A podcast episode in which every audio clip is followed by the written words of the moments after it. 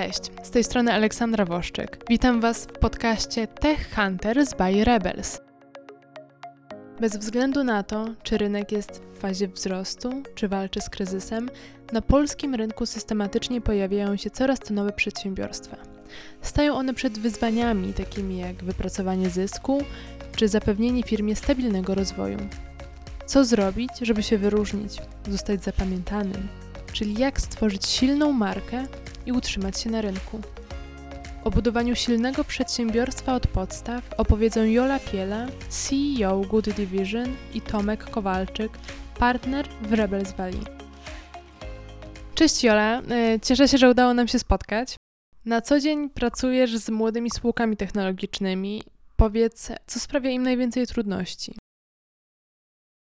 E, no mnie też jest bardzo miło, e, witając się. Mm, słuchajcie, jak pracujemy z, z młodymi spółkami, rzeczywiście wśród młodych spółek jest, jest taki jeden problem. E, on występuje w najmłodszych spółkach, to jest taka trochę choroba wieku dziecięcego, ale tak naprawdę ona występuje w bardzo wielu spółkach technologicznych i myślę, że tutaj to ta przynależność do, do branży technologicznej, czy też do branży technicznej, czy w ogóle do branży specyficznej z punktu widzenia w ogóle języka, jakim posługuje się dany biznes, ale też wykształcenia i takiego backgroundu biznesowego założycieli i kluczowych pracowników, którzy firmę reprezentują na rynku, jest to, że e, firma ma bardzo dużą um, potrzebę eksponowania swojej technologii przez co bardzo często popada w używanie trudnego, skomplikowanego słownictwa, e, które jest y, nie do przeskoczenia przez odbiorców biznesowych takiej firmy. Czyli bardzo często mamy do czynienia z tym, że oferta jest sformułowana w sposób super skomplikowany i nie mówimy w takiej, w takiej komunikacji firma bardzo często nie mówi o tym, jaką korzyść biznesową sprzedaje, czyli czego de facto może się odbiorca spodziewać, jak może skorzystać płacąc za usługę, kupując produkt. E, natomiast słyszy bardzo dużo o technologii, czyli taki trochę, przepraszam, że to nie będzie mm, jakieś bardzo uprzejme, ale taki samozachwyt technologią i takie właśnie trochę popisywanie się, to jest oczywiście naturalne, bo jeżeli tworzymy pewien produkt, jeżeli mamy rzeczywiście opracowaną pewną technologię, włożyliśmy w to mnóstwo pracy, to chcemy się tym pochwalić. Ale jeżeli my koncentrujemy się wyłącznie na tych zaletach technologicznych, to w nam w tej narracji brakuje w ogóle argumentów biznesowych dla naszego odbiorcy. I to jest jedna rzecz, i z niej wynika druga rzecz. To jest to, że bardzo często taki, mm, taka firma, rozmawiając z rynkiem, no bo komunikacja to de facto roz, rozmowa z rynkiem, przedstawianie oferty to też rozmowa z rynkiem.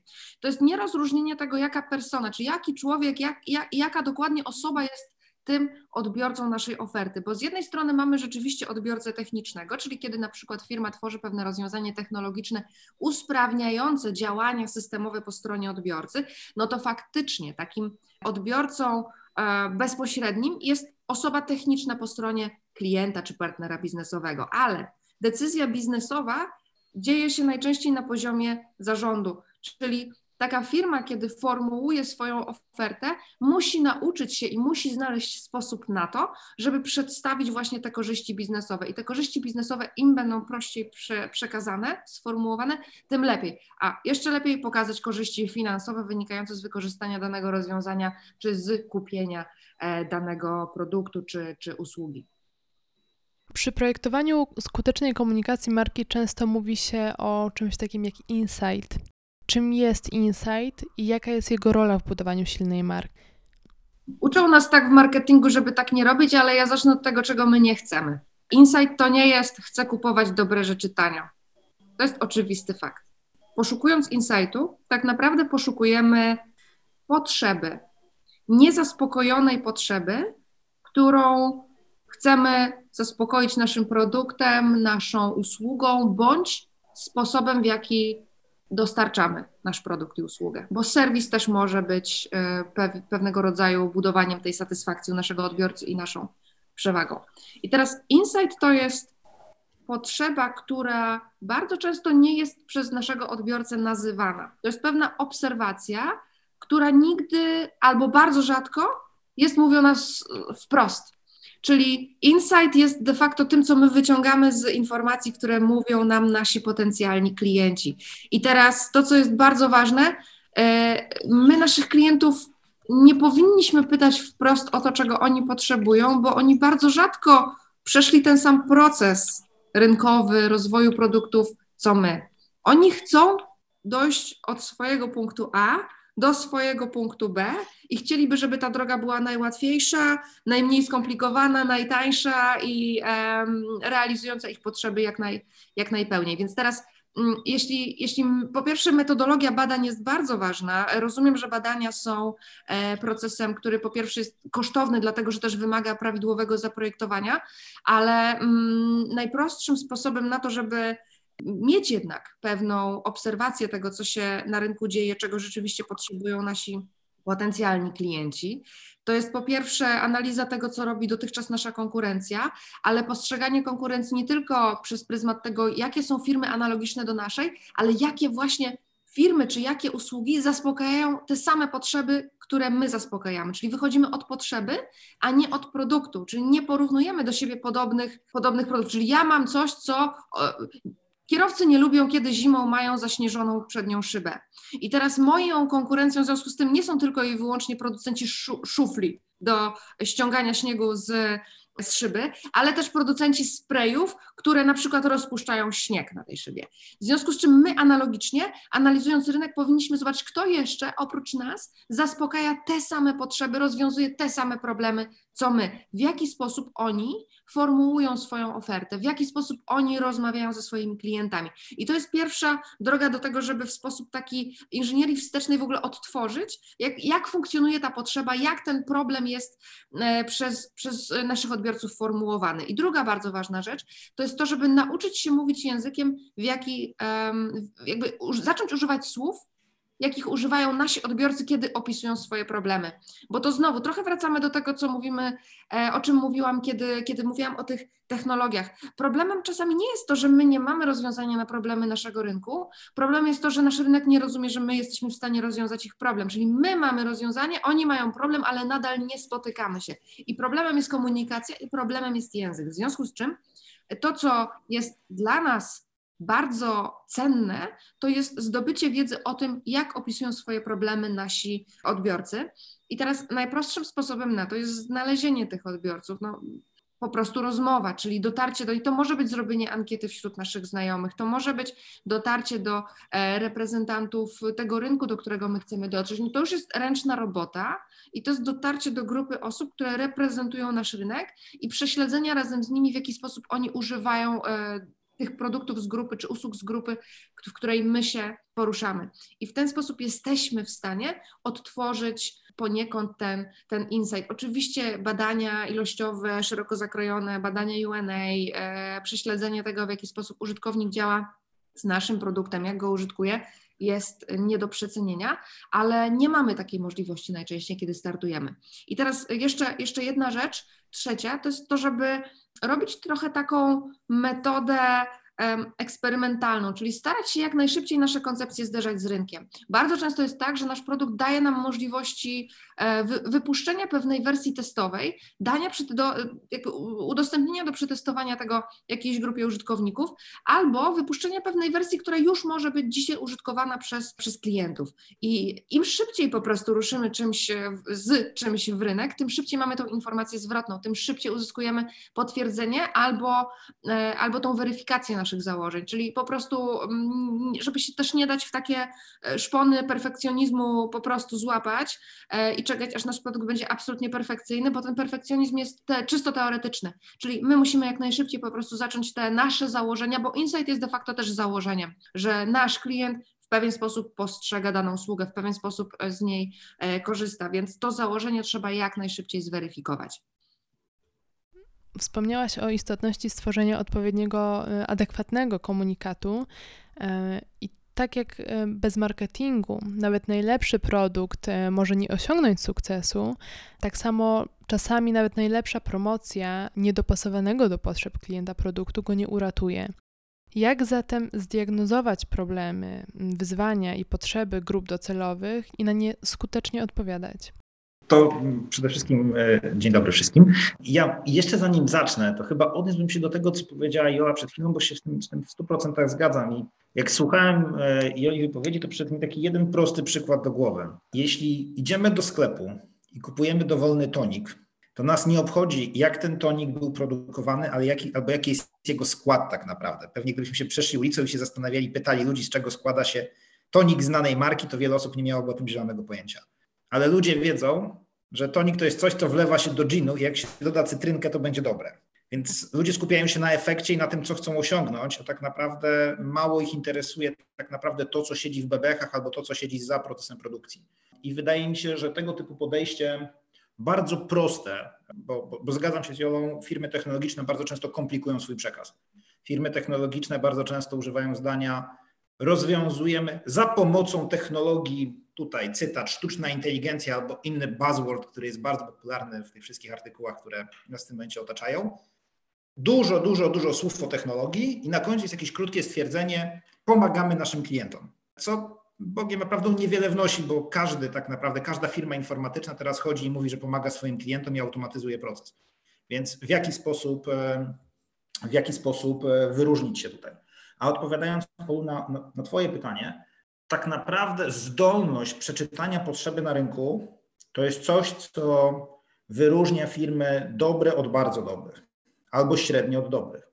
To znaczy, jeśli jesteśmy kolejną firmą, która jest w stanie zaadresować znaną na rynku potrzebę albo potrzebę zdefiniowaną wprost przez klienta, to brutalna prawda jest taka, że nigdy nie przekroczymy pewnej poprzeczki i pewnego poziomu ten, e, ten sukces osiągną te firmy, które są w stanie uświadomić klientowi realną, ale nieuświadomioną potrzebę. Znaczy, jeśli dana firma przyjdzie i powie, ja widzę jakieś elementy w waszej pracy, widzę wyzwanie, którego wy sami nie widzicie, które może wam pomóc i które może wam dostarczyć tą wartość i rzeczywiście sprawi, że ta ścieżka między punktem A i B, zamiast być ścieżką bardzo krętą, idącą pod górę i przez wąwozy i skały, nagle stanie się prostą autostradą, to jest coś, co z perspektywy zarządu po drugiej stronie jest jasnym komunikatem. Dzięki mojemu produktowi czy mojej usłudze wartość generowana przez, daną, e, przez danego klienta będzie maksymalizowana. Tak naprawdę o to chodzi. Tak naprawdę w biznesie chodzi o maksymalizowanie wartości, zarówno tej wartości, która jest dostarczona klientom, jak i wartości właścicieli danego przedsiębiorstwa, bo to jest tak naprawdę taki kor, do którego trzeba sprowadzić e, całość działalności gospodarczej. To wymaga odpowiedniej metodyki i odpowiednich narzędzi. Przede wszystkim e, musimy do tego podchodzić w sposób zdyscyplinowany. Musimy ustalić, w jaki sposób badamy potrzeby klienta. Według mnie e, bardzo ważną, ale nieuświadomioną wartością w ogóle w jakiejkolwiek działalności jest część wywiadowcza, że tak powiem. Bo tak naprawdę kluczowe są dane. Im więcej będziemy mieć danych, tym jaśniejsze, tym skuteczniej będziemy wyciągać wnioski. Bardzo wiele przedsiębiorstw, szczególnie młodych przedsiębiorstw, nie zbiera tych danych. Nie chodzi tutaj o zbieranie danych poprzez nie, stosowanie danych social media, metadanych albo czegoś takiego. Chodzi o po prostu dane rynkowe. To znowu to jest coś, o czym wspomniała y, Jola, kiedy, kiedy mówiła o prototypowaniu MVP. Im więcej danych zbierzemy, tym skuteczniej jesteśmy w stanie zdobyć wiedzę o środowisku. To jest jak eksperyment naukowy. Im więcej wiemy na temat środowiska, tym skuteczniejsze wyniki dostaniemy i tym dokładniejsze będą te wyniki. Więc e, pierwszym krokiem na pewno jest uświadomienie sobie, jak bardzo istotne jest poznanie tych potrzeb i jak, e, jak, bar, jak, jak bardzo nie można być e, generycznym powtarzalnym. Nie można iść z tym samym komunikatem co wszyscy, bo to, to sprowadzi nas do jednej rzeczy, że będziemy musieli być tańsi. Niestety, rozmawiając z wieloma polskimi firmami, kwestia jesteśmy tańsi albo robimy coś taniej jest jednym z tych przekazów, który się bardzo często pojawia co jest trochę takim dowodem na, e, na byle jakość. Bo jeśli nasz produkt jest naprawdę dobry i generuje naprawdę dużą wartość, to nikt nie będzie miał problemu z tym, że dajemy sobie dużą premię, dużą. Więc e, przede wszystkim dyscyplina, metodyczne podejście do potrzeb, praca z klientem, zdobywanie informacji o kliencie, o konkurencji klienta, o otoczeniu klienta. Tak naprawdę przychodząc do klienta, my naprawdę dobrze musimy znać e, i, i rozumieć to środowisko, w którym on, on się obraca. Obok trafności komunikatu istotna jest też spójność. Co, co mogłabyś powiedzieć na ten temat? Czy mogłabyś podać mm, przykład, na którym moglibyśmy się wzorować, jeżeli chodzi o budowanie spójnej komunikacji marketingowej? Jeszcze się odniosę do tego, co powiedział Tomek, bo z jedną rzeczą się zgadzam, z jedną rzeczą się zgadzam w połowie. jeśli chodzi o gin z tonikiem, to, e, to jest tak, że mm, bardzo ważne jest, ja się zgadzam i nie zgadzam, ale tak naprawdę się zgadzam, bo e, jeśli chodzi o technologię, nas nie interesuje jako, jako ludzi biznesu, jako przedsiębiorców. Nas nie interesuje, jak to jest robione. Dla nas to może być nawet magia yy, i zaklęcia, byle działało i byle wyniki się zgadzały.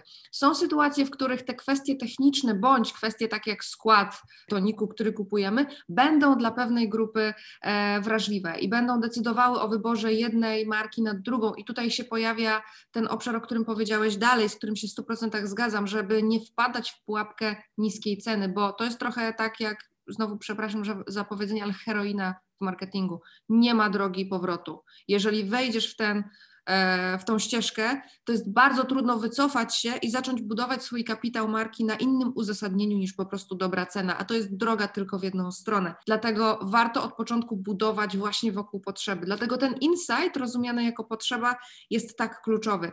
I teraz jeszcze kwestia danych. I rzeczywiście jest tak, że im więcej mamy informacji, tym łatwiej jest nam budować tą drogę dotarcia do naszego klienta i w oparciu o te dane budować po pierwsze proces sprzedażowy, po drugie sformułowanie oferty e, i, i później już wdrażanie tej oferty. Kwestia jest taka, że czasami jest tak, że są takie statystyki, które, które nawet mogę gdzieś tam później przytoczyć e, w dalszej komunikacji, ale e, firmy używają średnio więcej niż 7 narzędzi do, do mierzenia swoich procesów marketingowych. Tylko, że prawie 70% firm mówi o tym, że nie łączy ze sobą tych danych, czyli nie zbiera tych danych i nie ma poczucia, że agreguje te dane we właściwy sposób. Więc naszym problemem jest faktycznie brak wykorzystania danych w projektowaniu procesów biznesowych i procesów sprzedażowych. Natomiast jeszcze większym problemem jest to, że my się tymi danymi nie potrafimy posługiwać. I jest też tak, że czasami są bardzo proste rozwiązania, jak na przykład dobrze skonfigurowany CRM, który daje nam możliwość nabudowywania tych danych w ramach rozwoju struktury biznesowej. I na przykład to, co obserwuję u, u klientów, to jest to, że nie wiedzą, który segment rynkowy jest dla nich najlepszym. Nie wiedzą, jaki wysiłek wkładany przez dział sprzedaży, czy dział bizdewu, czyli rozwoju biznesu e, w ramach, w ramach struktury biznesowej i sprzedażowej, tak naprawdę się najlepiej zwraca, którzy klienci są powracający, którzy klienci są jednorazowi. Czy naprawdę ten klient, który zostawił u nas kwotę 300 tysięcy, jest lepszym klientem niż ten, który w sposób cykliczny wraca i w ciągu roku zostawi u nas milion nasz model biznesowy powinien powstawać też i nasz model sprzedażowy powinien powstawać w oparciu o realną relację, którą my mamy z rynkiem i realną relację, którą my mamy z biznesem. I bardzo często jest tak, choć brzmi to abstrakcyjnie, że firmy nie obserwują tego, jak przebiega ta relacja, czyli nie mają zrobionych segmentów rynkowych, a to wynika z tak prostej rzeczy, jak to, że nie mają wdrożonego CRM-a i e, nadal każdy w dziale sprzedaży e, z siedmiu osób ma swój notes, każdy inaczej prowadzi notatki, e, potrafią trzy osoby dzwonić do tego samego klienta, aż w końcu ten klient się zdenerwuje, bo nie mają jednego agregatora danych. I teraz dane to jedna rzecz, a sposób posługiwania się tymi danymi to jest druga rzecz i to jest, i to jest super ważne i chciałam na to zwrócić uwagę. I to też znowu, już zakręcę tutaj, jest w stronę, w stronę spójności, bo spójność na poziomie procesowym, systemowym, posługiwania się danymi i spójność na e, poziomie komunikacji z rynkiem. Czyli też to, co mm, czasami wydaje się, że to jest romantyczna gadka e, marketera, że zróbmy to spójnie, żeby wszystko było tak samo zielone. To nie o to chodzi, żeby to wszystko było tak samo zielone. Chodzi o to, że to ma funkcję zarówno kreatywną, czy jakąś związaną z narracją, bo jasne, jeżeli mówi do danego konsumenta czy do klienta 56 marek dziennie, e, a jeszcze Twoja marka mówi na 17 różnych sposobów, no to ten Twój biedny klient już ma taki kociok, że on nawet nie skojarzy, że ta sama, czy te, te dwie różne oferty, które do niego skierowałeś w ciągu tygodnia, to, to, to jest ten sam nadawca. Czyli nie pomagasz mu skojarzyć tego, pomaga mu kolor zielony mu w tym pomoże, spójne hasło mu w tym pomoże, jasne, ale też spójny system wartości i pewna, jakby to, co, to, co my budujemy spójnością w marketingu, to jest pewna droga, to jest, to jest pewien skrót do umysłu Twojego odbiorcy. Czyli Ty, jeżeli ja znam Tomka i wiem, że Tomek jest y, inteligentnym gościem, to Tomek nie musi zaczynać każdej rozmowy telefonicznej ze mną. Jola, cześć, to ja Tomek. Jestem inteligentnym gościem, więc wszystko, co powiem y, po przedstawieniu się, będzie miało sens biznesowy dla Ciebie. Jakby ja to wiem, kiedy Tomek dzwoni, bo w moim umyśle jest skrót pomiędzy Tomkiem a tym, co on sobą prezentuje, jakie są jego wartości, jakie są jego argumenty biznesowe. I teraz my chcemy, konstruując taką markę, doprowadzić do sytuacji, w której mamy ten skrót myślowy. Wiemy, że Beyoncé to jest power kobieta i jak przychodzi, jak kupujemy jej e, bilety na jej koncert, jak już się odbywają koncerty, to wiemy czego się spodziewać. I takiego skrótu chcemy doprowadzić, do takiego skrótu chcemy doprowadzić projektując jakikolwiek brand. E, I teraz tak, jeśli chodzi o, o przykład, który, o który zapytałaś Ola, to dla mnie z, zawsze najlepszym przykładem w ogóle strategii marketingowej, ale też w przełożeniu właśnie na biznes, w przełożeniu na badania, na badania terenowe, na storytelling, na wszystko jest Nike, bo to jest najprostsza marka, na której wszystkie przykłady działają i o tym opowiadam studentom, o tym opowiadam klientom, bo wszyscy znają markę Nike. Jakbym znalazła jakąś bardzo dziwną markę przemysłową, to musiałam najpierw wytłumaczyć, co to jest, a potem dopiero pokazać, dlaczego to działa. I to jest właśnie ten skrót myślowy. Nike jest zajebistą marką. I teraz dlaczego Nike jest zajebistą marką? Wszyscy znamy hasło Nike, prawda? Just do it. Jak wszyscy to kojarzą. A jakie jest hasło Pumy? Wiecie? Nikt nie wie. Nawet Puma nie wie, jakie jest hasło, bo cały czas, cały czas używa innego hasła. No to, to jest pierwsza rzecz. Więc Nike od bardzo wielu lat mówi to samo. I teraz um, Nike w swoich e, materiałach strategicznych jako taką esencję, jako taki core, czyli taki główny przekaz, który stosuje wewnętrznie, bo, bo hasło marki nie zawsze równa się esencja strategiczna, to jest, że jesteśmy zaprojektowani, żebyś się zawsze ruszał. Czyli we are designed to keep you moving. Tak jest, taka jest esencja marki e, Nike. I teraz jak popatrzymy sobie na to, co, co, co, robi, co robi ta marka. Ta marka nie jest skierowana do jakiejś jednej grupy klientów, czy osób, które są na określonym etapie um, swojej drogi sportowej. Ona jest dla e, profesjonalnych atletów, którzy startują w Igrzyskach Olimpijskich i oni też występują i w reklamach Nike, i użytkują Nike, e, więc, więc to jest marka, która ma również w, w swoich odbiorcach segment profesjonalistów takich daily e, sportowców, którzy po prostu chodzą sobie na fitness e, raz, dwa, trzy razy e, w tygodniu i dla osób totalnie początkujących.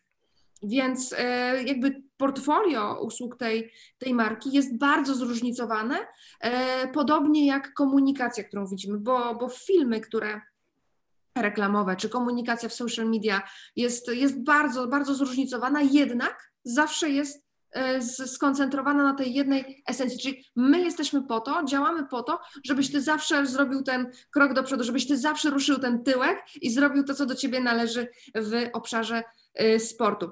I teraz, y, czy popatrzymy sobie na aplikację, którą, którą Nike miało, czy właśnie na Make Every Step Count, y, czyli coś, co, co sprawia, że ta grywalizacja też jest włączona do tego, żeby ludzi zmobilizować do uprawiania sportu i do rzeczywiście włożenia tego wysiłku, czy im się chce, czy nie chce. Czy do tego sławnego spotu z, z nieco puszystym panem, który rozpoczyna swoją przygodę z bieganiem. Więc zawsze ta esencja jest ta sama, czy te wartości są te same. Też ten archetyp bohatera, na którym E, oparta jest marka Nike, jest zawsze obecny w komunikacji, zawsze jest to samo hasło, jedynie kontekst się zmienia. Czyli ta relacja, czy to pokazanie sposobu użytkowania będzie dostosowywane do e, już konkretnego segmentu użytkowników. I to jest coś, co my powinniśmy wykorzystywać w naszej komunikacji. Czyli mamy pewien, pewien taki motyw przewodni, leitmotiv komunikacji. On powinien być spójny, bo to nie jest tak, że my jesteśmy inni, zupełnie inni w domu, zupełnie inni w pracy. Jeśli mamy gorący temperament, to będziemy tacy czy w biznesie, czy w sporcie, czy w domu. E, kwestia jest taka, że no, dostosowujemy się do kontekstu, jeżeli jesteśmy odpowiednio inteligentni emocjonalnie. Raczej nie staramy się być tacy sami w, w biurze, jak jesteśmy na siłowni, nawet jeżeli jesteśmy intensywni. E, natomiast y, nadal nasze wartości, nasz, nasz taki motyw przewodni, nasz sposób działania jest ten sam, jeżeli jesteśmy no, jakby emocjonalnie y, spójni. I, i, I, podobnie działają marki, czyli marki też wchodzą w relacje, więc jeżeli my zrozumiemy, że marka działa tak jak człowiek, bo, bo, bo właśnie w ten sposób buduje relacje, no to jesteśmy w stanie ten przekaz e, utrzymać w spójności, umożliwić zapamiętanie, a też budować wiarygodność, bo nikt to lata jak chorągiewka nie będzie wiarygodny, więc nam chodzi o wiarygodność i zapamiętywalność tutaj. To, to tutaj, jeśli, jeśli mogę się odnieść, bo jak gdyby w pełni zgadzam się z tym, co, co powiedziała Jola, z tym, że dodałbym jeszcze jedną rzecz, bo z przekazem na zewnątrz, budowaniem naszej pozycji na rynku, będziemy efektywni wtedy i tylko wtedy, jeśli będziemy z tym spójni wewnątrz organizacji.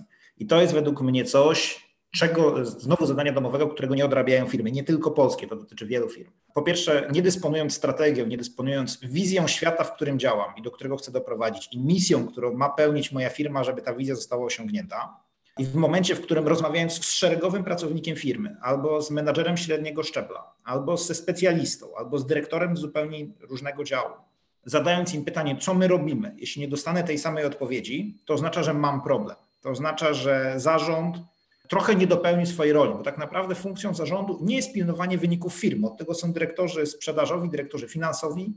W jednym z filmów e, o tematyce ekonomicznej i biznesowej pojawiło się stwierdzenie, zadaniem e, prezesa zarządu jest określanie, jaka muzyka będzie grała na parkiecie za chwilę i, jak się do tego ruszać tak naprawdę. Chodzi o to, żeby e, zarząd ma przewidywać i budować tę pozycję do, do przodu. Wydaje mi się, że to jest coś, co jest bardzo często odpuszczane, przez co choćby nie wiem, jak dobry team marketingowy był w e, firmie, jak dobry zespół komunikacyjny, no to ich zadaniem jest już trochę wprowadzenie, wdrożenie narzędzi i, i komunikacja jako narzędzia do tego, żeby to, ten, ten cel osiągnąć. Ale ten główny cel strategiczny, on musi być zdefiniowany. Ja mam takie podejście, rozmawiając z różnymi firmami, to znaczy tablica z takimi zarządowymi, może nie dziesięcioma, ale trzema przykazaniami. To znaczy wypiszcie sobie na tablicy wielkimi literami trzy cele, które macie osiągać i de facto jak przychodzą do Was ludzie z firmy i proponują Wam nowe działania, to przede wszystkim mają się odwrócić do tej tablicy i powiedzieć, który z tych celów spełniają. A jeśli go nie spełniają, to naprawdę musi być to wybitnie efektywne biznesowo, żeby was do tego przekonać. A jeśli jest poza tymi celami, jest bardzo efektywne biznesowo, to może to jest ten moment, kiedy powinniście przemyśleć swoje cele, bo być może cele nie są dobrze dostosowane. To się wydaje dość oczywiste, ale prawda jest taka, że bardzo rzadko działa. Co kończy się też tym, że, e, no bo tak naprawdę, jaki byłby nasz e, wybitny sukces na tym polu, jeśli chodzi o biznes i komunikację? Sukces jest wtedy, kiedy marka naszego produktu albo marka naszej firmy równa się narzędzie, które jest domyślne jako rozwiązanie danego problemu. Będzie lekki product placement za chwilę, ale nic na to nie poradzę. Jeśli używamy przeglądarki internetowej szukamy odpowiedzi, mówimy, że będziemy coś googlować. Nie zastanawiamy się nad innym słowem. Google jest narzędziem, które służy do pozyskiwania wiedzy i Google od początku mówił, że do tego będzie. Ma być narzędziem, dzięki któremu internet będzie bliżej. E, jeśli mówimy, jestem na stacji benzynowej i, i, i potrzebuję energetyka, to jednym ze stwierdzeń, które od razu usłyszymy, będzie: Dobra, podjadę pod jakiegoś Red Bulla. Jeśli mamy dziecko, to domyślnie mówimy, trzeba mu kupić pampersy. To, są, to oznacza, że firmy w ramach swoich sektorów postawiły sobie za cel, że będą przede wszystkim budować jako pierw, narzędzie pierwszego wyboru do rozwiązania jakiegoś problemu. Bycie synonimem kategorii, tak zwanej. Do, dokładnie. I kwestia jest taka, to jest coś, co się bardzo rzadko słyszy w Polsce. Rozmawiając. Że kupowało Adidasy firmy Nike. Oczywiście, ale świadomość wartości wybudowania brandu jest czymś, co ma wybitnie niskie znaczenie. Na przykład jeśli rozmawia się ze startupami w Polsce, które planują inwestycje, to kwestia budujemy rozpoznawalność marki, dzięki czemu nasza marka stała się, e, marka jest wartością samą w sobie na pewnym etapie. Bardzo ma, rzadko który startup w ogóle bierze pod uwagę markę w wycenie. Sprzedając swoją firmę czy szykując inwestycje, mało kto bierze to pod uwagę, kiedy tak naprawdę na tym rynku szybkie wybudowanie świadomości jest piekielnie istotne. Jak Skype wybudował swoją markę, to chociaż w dzisiejszych czasach mało kto, tych narzędzi zrobiło się dużo więcej. Niektórzy korzystają ze Skype'a, inni z innych narzędzi, co nie zmienia faktu. Skype, obecnie trochę Zoom, wchodzi jako takie domyślne, to dzięki temu, że udało się bardzo mocno wzmocnić tą markę. To wymaga działań. Ja w ogóle jestem wielkim fanem tego, jak Nike buduje swoją, e, swoją politykę i komunikację koncepcja tego, żeby zatrudniać reżyserów jak David Fincher do tego, żeby na przykład przygotować spoty, które nie mówią o produkcie, które opowiadają historię, w którą ten produkt jest zaczepiony, w którym ten product placement jest naprawdę delikatny, ale kojarzymy to bardzo mocno, to jest, to jest w ogóle wyższa szkoła jazdy. Już nie musi mówić, już nie musi klepać i powtarzać, że to jest on, bo stworzył sobie świat właśnie. Dla, dla mnie niesamowite jest to, w jaki sposób w Polsce podchodzi do tego Allegro ja jestem po pierwsze, po pierwsze fanem legend polskich Allegro, które wyszły na, na, na YouTube. I, i, wszystkie, I wszystkiego, co było z tym związane. To jest to rzeczywiście takie podejście w pewnym momencie. My nie musimy się już reklamować. My pokazujemy, że jesteśmy blisko ciebie i, i jesteśmy w twoim życiu. Chociaż delikatne placementy są typu Diabeł e, Boruta wystawia czyjąś duszę na Allegro. Oczywiście, nie, no to wiadomo, ale to, to, to jest nieinwazyjne i, i sympatyczne. Co w stosunku do przynajmniej paru kampanii reklamowych, które wydarzyły się w ostatnich miesiącach, a wzbudziły dość dużą dyskusję w zakresie, czy jest to naprawdę najlepszy sposób, kiedy trzy urocze i atrakcyjne panie prezentują jakiś produkt, możemy się sprzeczać, ale jak gdyby widzimy trochę dwie, dwa typy budowania, budowania świadomości.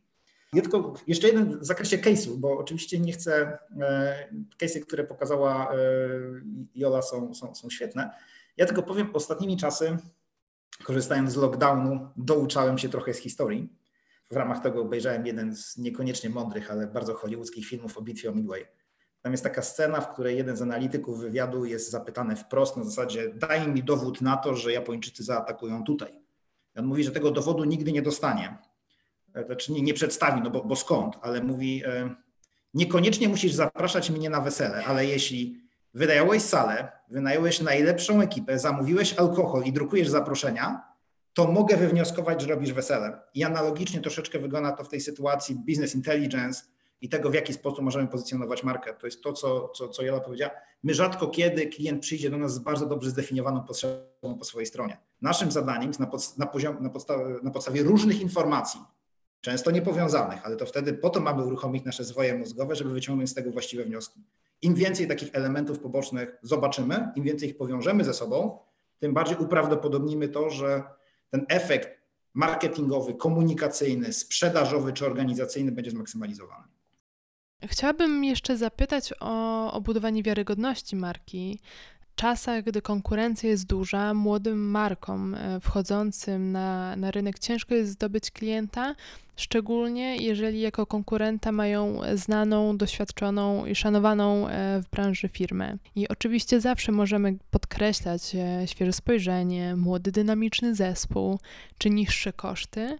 Aczkolwiek firmy niekiedy jednak wolą skorzystać z usług przedsiębiorstwa z wieloletnią historią, aniżeli skłaniać się ku, ku młodym przedsiębiorstwom, które może z bardziej aktualną wiedzą, czy, czy korzystające z nowoczesnych, bardziej efektywnych, skutecznych narzędzi de facto przyniosą lepsze, lepsze efekty. Zatem y, Jolu, Tomku, powiedzcie, jak budować wiarygodność marki, jak zyskać zaufanie, aby mieć szansę na podpisanie y, kontraktu? Ja mogę zacząć. To jest tak, że. Mm jest coś takiego jak prawa kategorii. Tak to, tak to określamy, jak pracujemy z naszymi klientami.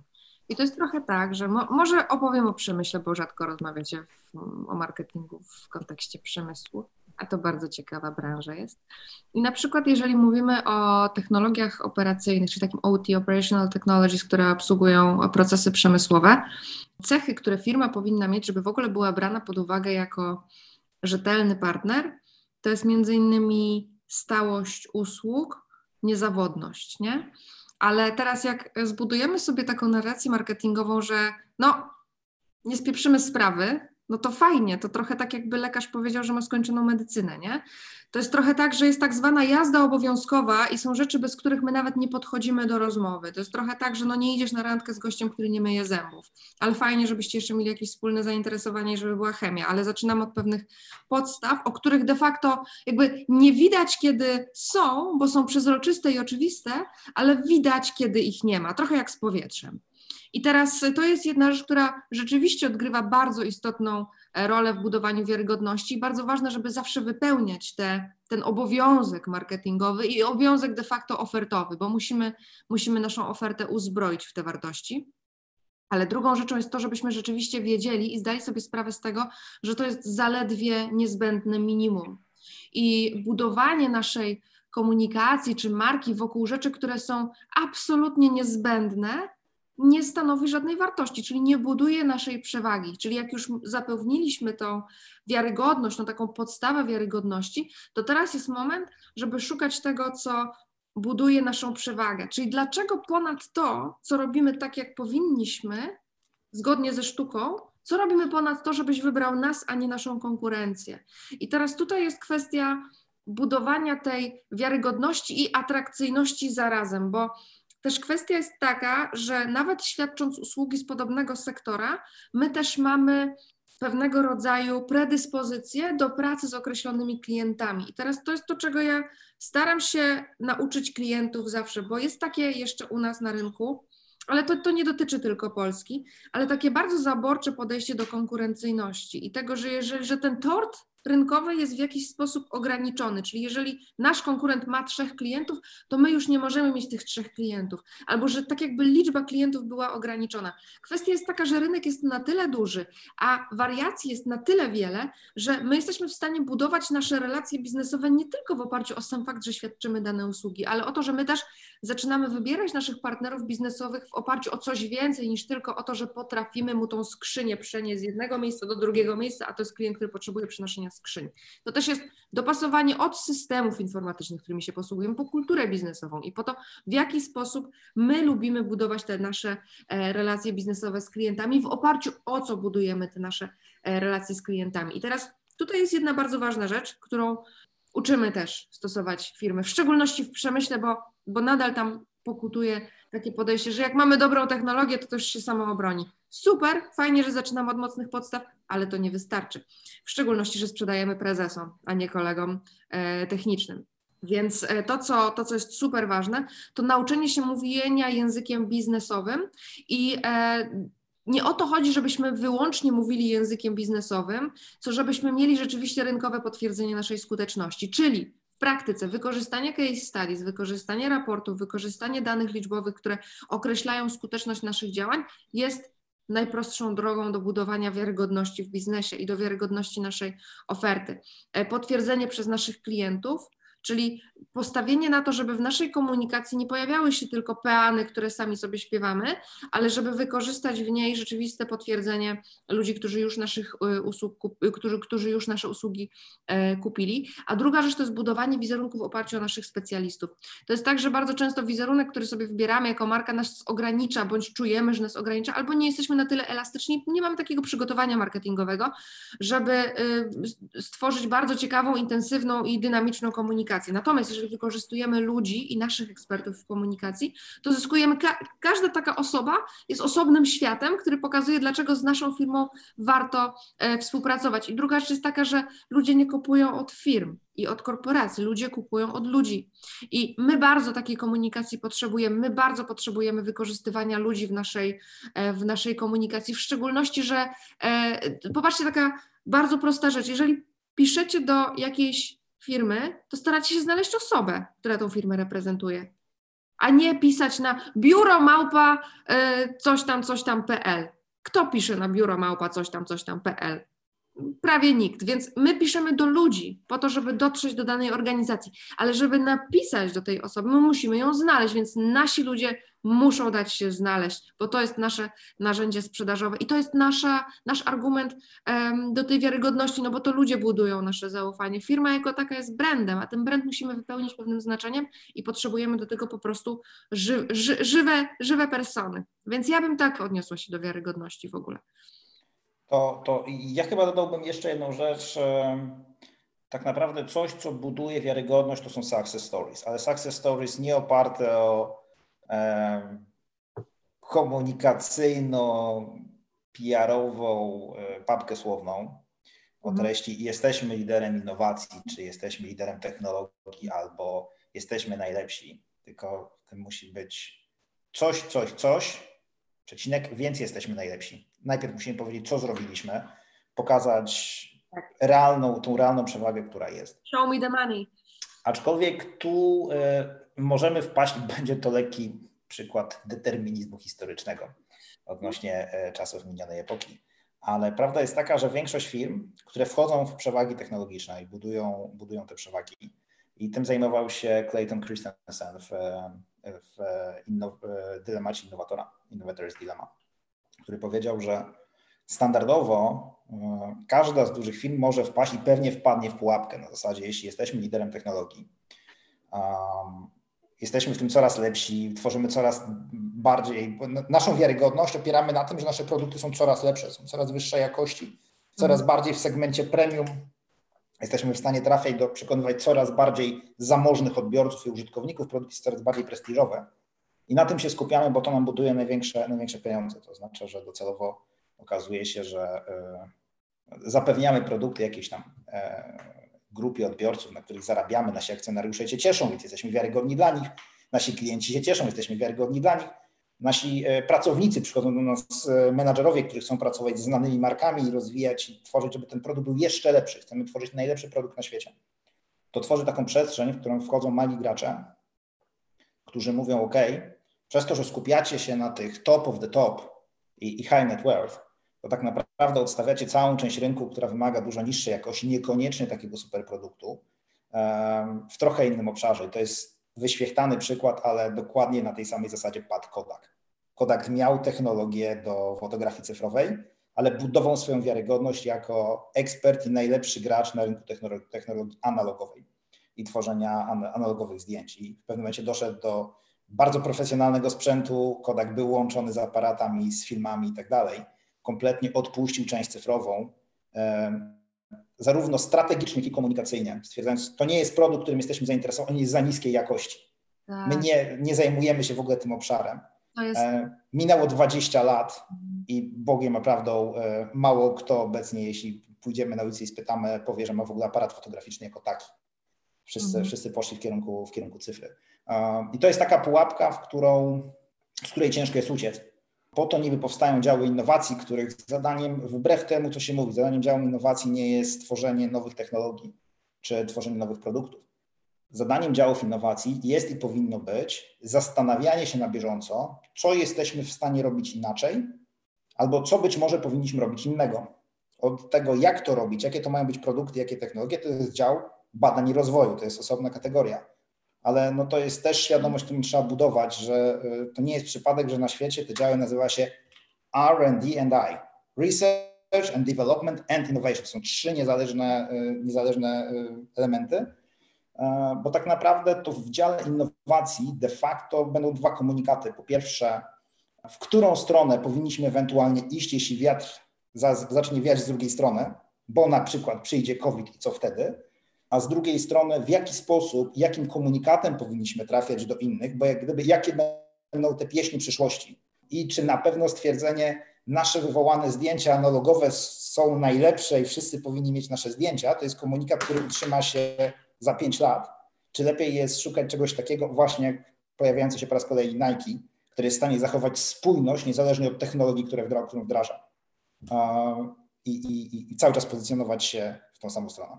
Dokładnie, bo to, to jest w ogóle tak ciekawy temat. Moglibyśmy pewnie do wieczora o tym rozmawiać, bo z jednej strony mówisz o metodyce podejścia do innowacji, a z drugiej strony też właśnie um, to, co, co stanowisz o w ogóle portfelu Twoich usług jako przedsiębiorstwa, bo e, gdyby gdyby e, przemyśleć tą piramidę, w jaki sposób budujesz swoją obecność w rynku, to jesteś w stanie pewne potrzeby zaspokoić w sposób produktowy i skalowalny, czyli jesteś w stanie zautomatyzować pewne, pewną grupę usług i sprzedawać ją wielokrotnie, nie, niekoniecznie adresując tą potrzebę najwyższej jakości, indywidualnego podejścia, kustomizacji produktu, kustomizacji oferty, a jednocześnie zachować sobie e, tą stabilność finansową. Tylko to jest znowu kwestia tego, w jaki sposób podchodzimy do strategii produktowej i też w jaki sposób i na czym opieramy naszą spójność. Ja, ja tylko mógłbym to podsumować Słowem kluczem dnia dzisiejszego może niekoniecznie powinny być marki, które dzisiaj wspomnieliśmy, ale na pewno słowo strategia. Znaczy to, to nie jest przypadek, że ono się tutaj tak często, e, często pojawia i często wraca. To jest naprawdę pięta Achillesowa polskich firm. Trochę mnie to martwi, trochę cieszy. Oczywiście. E, słabość jednych jest szansą dla innych od zawsze. Nawiązując do wspomnianego przez Tomka Kodaka, e, chciałabym zapytać Was jeszcze o elastyczność i otwartość w stosunku do, do zmian. Mm, nieumiejętność dopasowania się w krótkim czasie do zachodzących na rynku zmian może skutkować fiaskiem całej firmy i, i mam tutaj na myśli zarówno mm, dojrzałe przedsiębiorstwa o silnej pozycji rynkowej, e, jak i młode firmy, w przypadku których zmiany zachodzą znacznie częściej, dynamiczniej i de facto są nieuniknione w jaki sposób identyfikować zbliżające się zmiany y, i odpowiednio przygotować się do ich wprowadzenia? Czy, no postaram się odpowiedzieć krótko, żeby, żeby też już nie, nie przeciągać. To pamiętajmy, że komunikacja jest procesem, żeby była efektywna, jest procesem dwustronnym. To znaczy, cały czas mówimy o tym, jak my chcemy komunikować się na zewnątrz, ale na bieżąco powinniśmy zasysać informacje. To znaczy, to jest trochę jak z internetem 2.0 i 3.0 Odeszliśmy już dawno od czasów, w których przekaz był jednostronny. Jeśli jest zmiana, to ta zmiana przyjdzie do nas wraz z informacją. Um, musimy obserwować to, czym, o czym mówią nasi konkurenci, ale konkurenci szeroko pojmowani. To jest znowu to, o czym ja mówiła na początku naszej rozmowy. Obserwujmy szeroko, obserwujmy też tych małych albo nowo powstających, bo oni zazwyczaj widzą, e, widzą coś, czego my, czego my być może e, nie widzimy. E, zmiany są na bieżąco i zaryzykuję stwierdzenie, zanim przyjdzie tsunami, to cofa się woda. I, kwestia jest taka, żeby rzeczywiście to zobaczyć. To niekoniecznie musi być tsunami, bo może to być po prostu dobra surferska fala, na której można się zabrać, co nie zmienia faktu. E, trzeba śledzić i patrzeć, co się dzieje, żeby się na tej fali w razie czego zabrać, albo przed tą falą uciekać. Powoli już kończąc, jakbyś mogła Jolu udzielić rady, rady skierowanej do młodej, wchodzącej na rynek firmy, jak budować swoją rozpoznawalność, na czym się skupić i od czego zacząć? Ja powiem trochę niemarketingowo. Mm, zacząć i wyjść do ludzi. To, co jest najczęściej pułapką, i ja to obserwuję tak samo u siebie, u, e, u swoich klientów, e, że my mamy przeogromny problem z takim oporem naszym wewnętrznym, żeby e, pojawić się na rynku z naszą ofertą. Nie wiem, czy jest to trema, czy jest to perfekcjonizm, pewnie trochę inaczej w, w, różnych przypadkach, ale to, co jest najważniejsze dla nas, to zacząć działać, zacząć z rynkiem rozmawiać i już samo to buduje nam nasz network, buduje nam nasze znajomości, buduje nam dotarcie do osób, do których chcemy dotrzeć. I nic w biznesie nie działa, najlepszy PowerPoint z strategią marketingową nie równa się temu, że masz zbudowaną sieć znajomych w biznesie i zawsze o nią dbasz, czyli budujesz wartość, wymieniasz wartość, ty coś dajesz, coś otrzymujesz. I to jest najważniejsza rzecz, którą powinniśmy robić jeszcze przed dniem zero zanim wyjdziemy z naszym biznesem.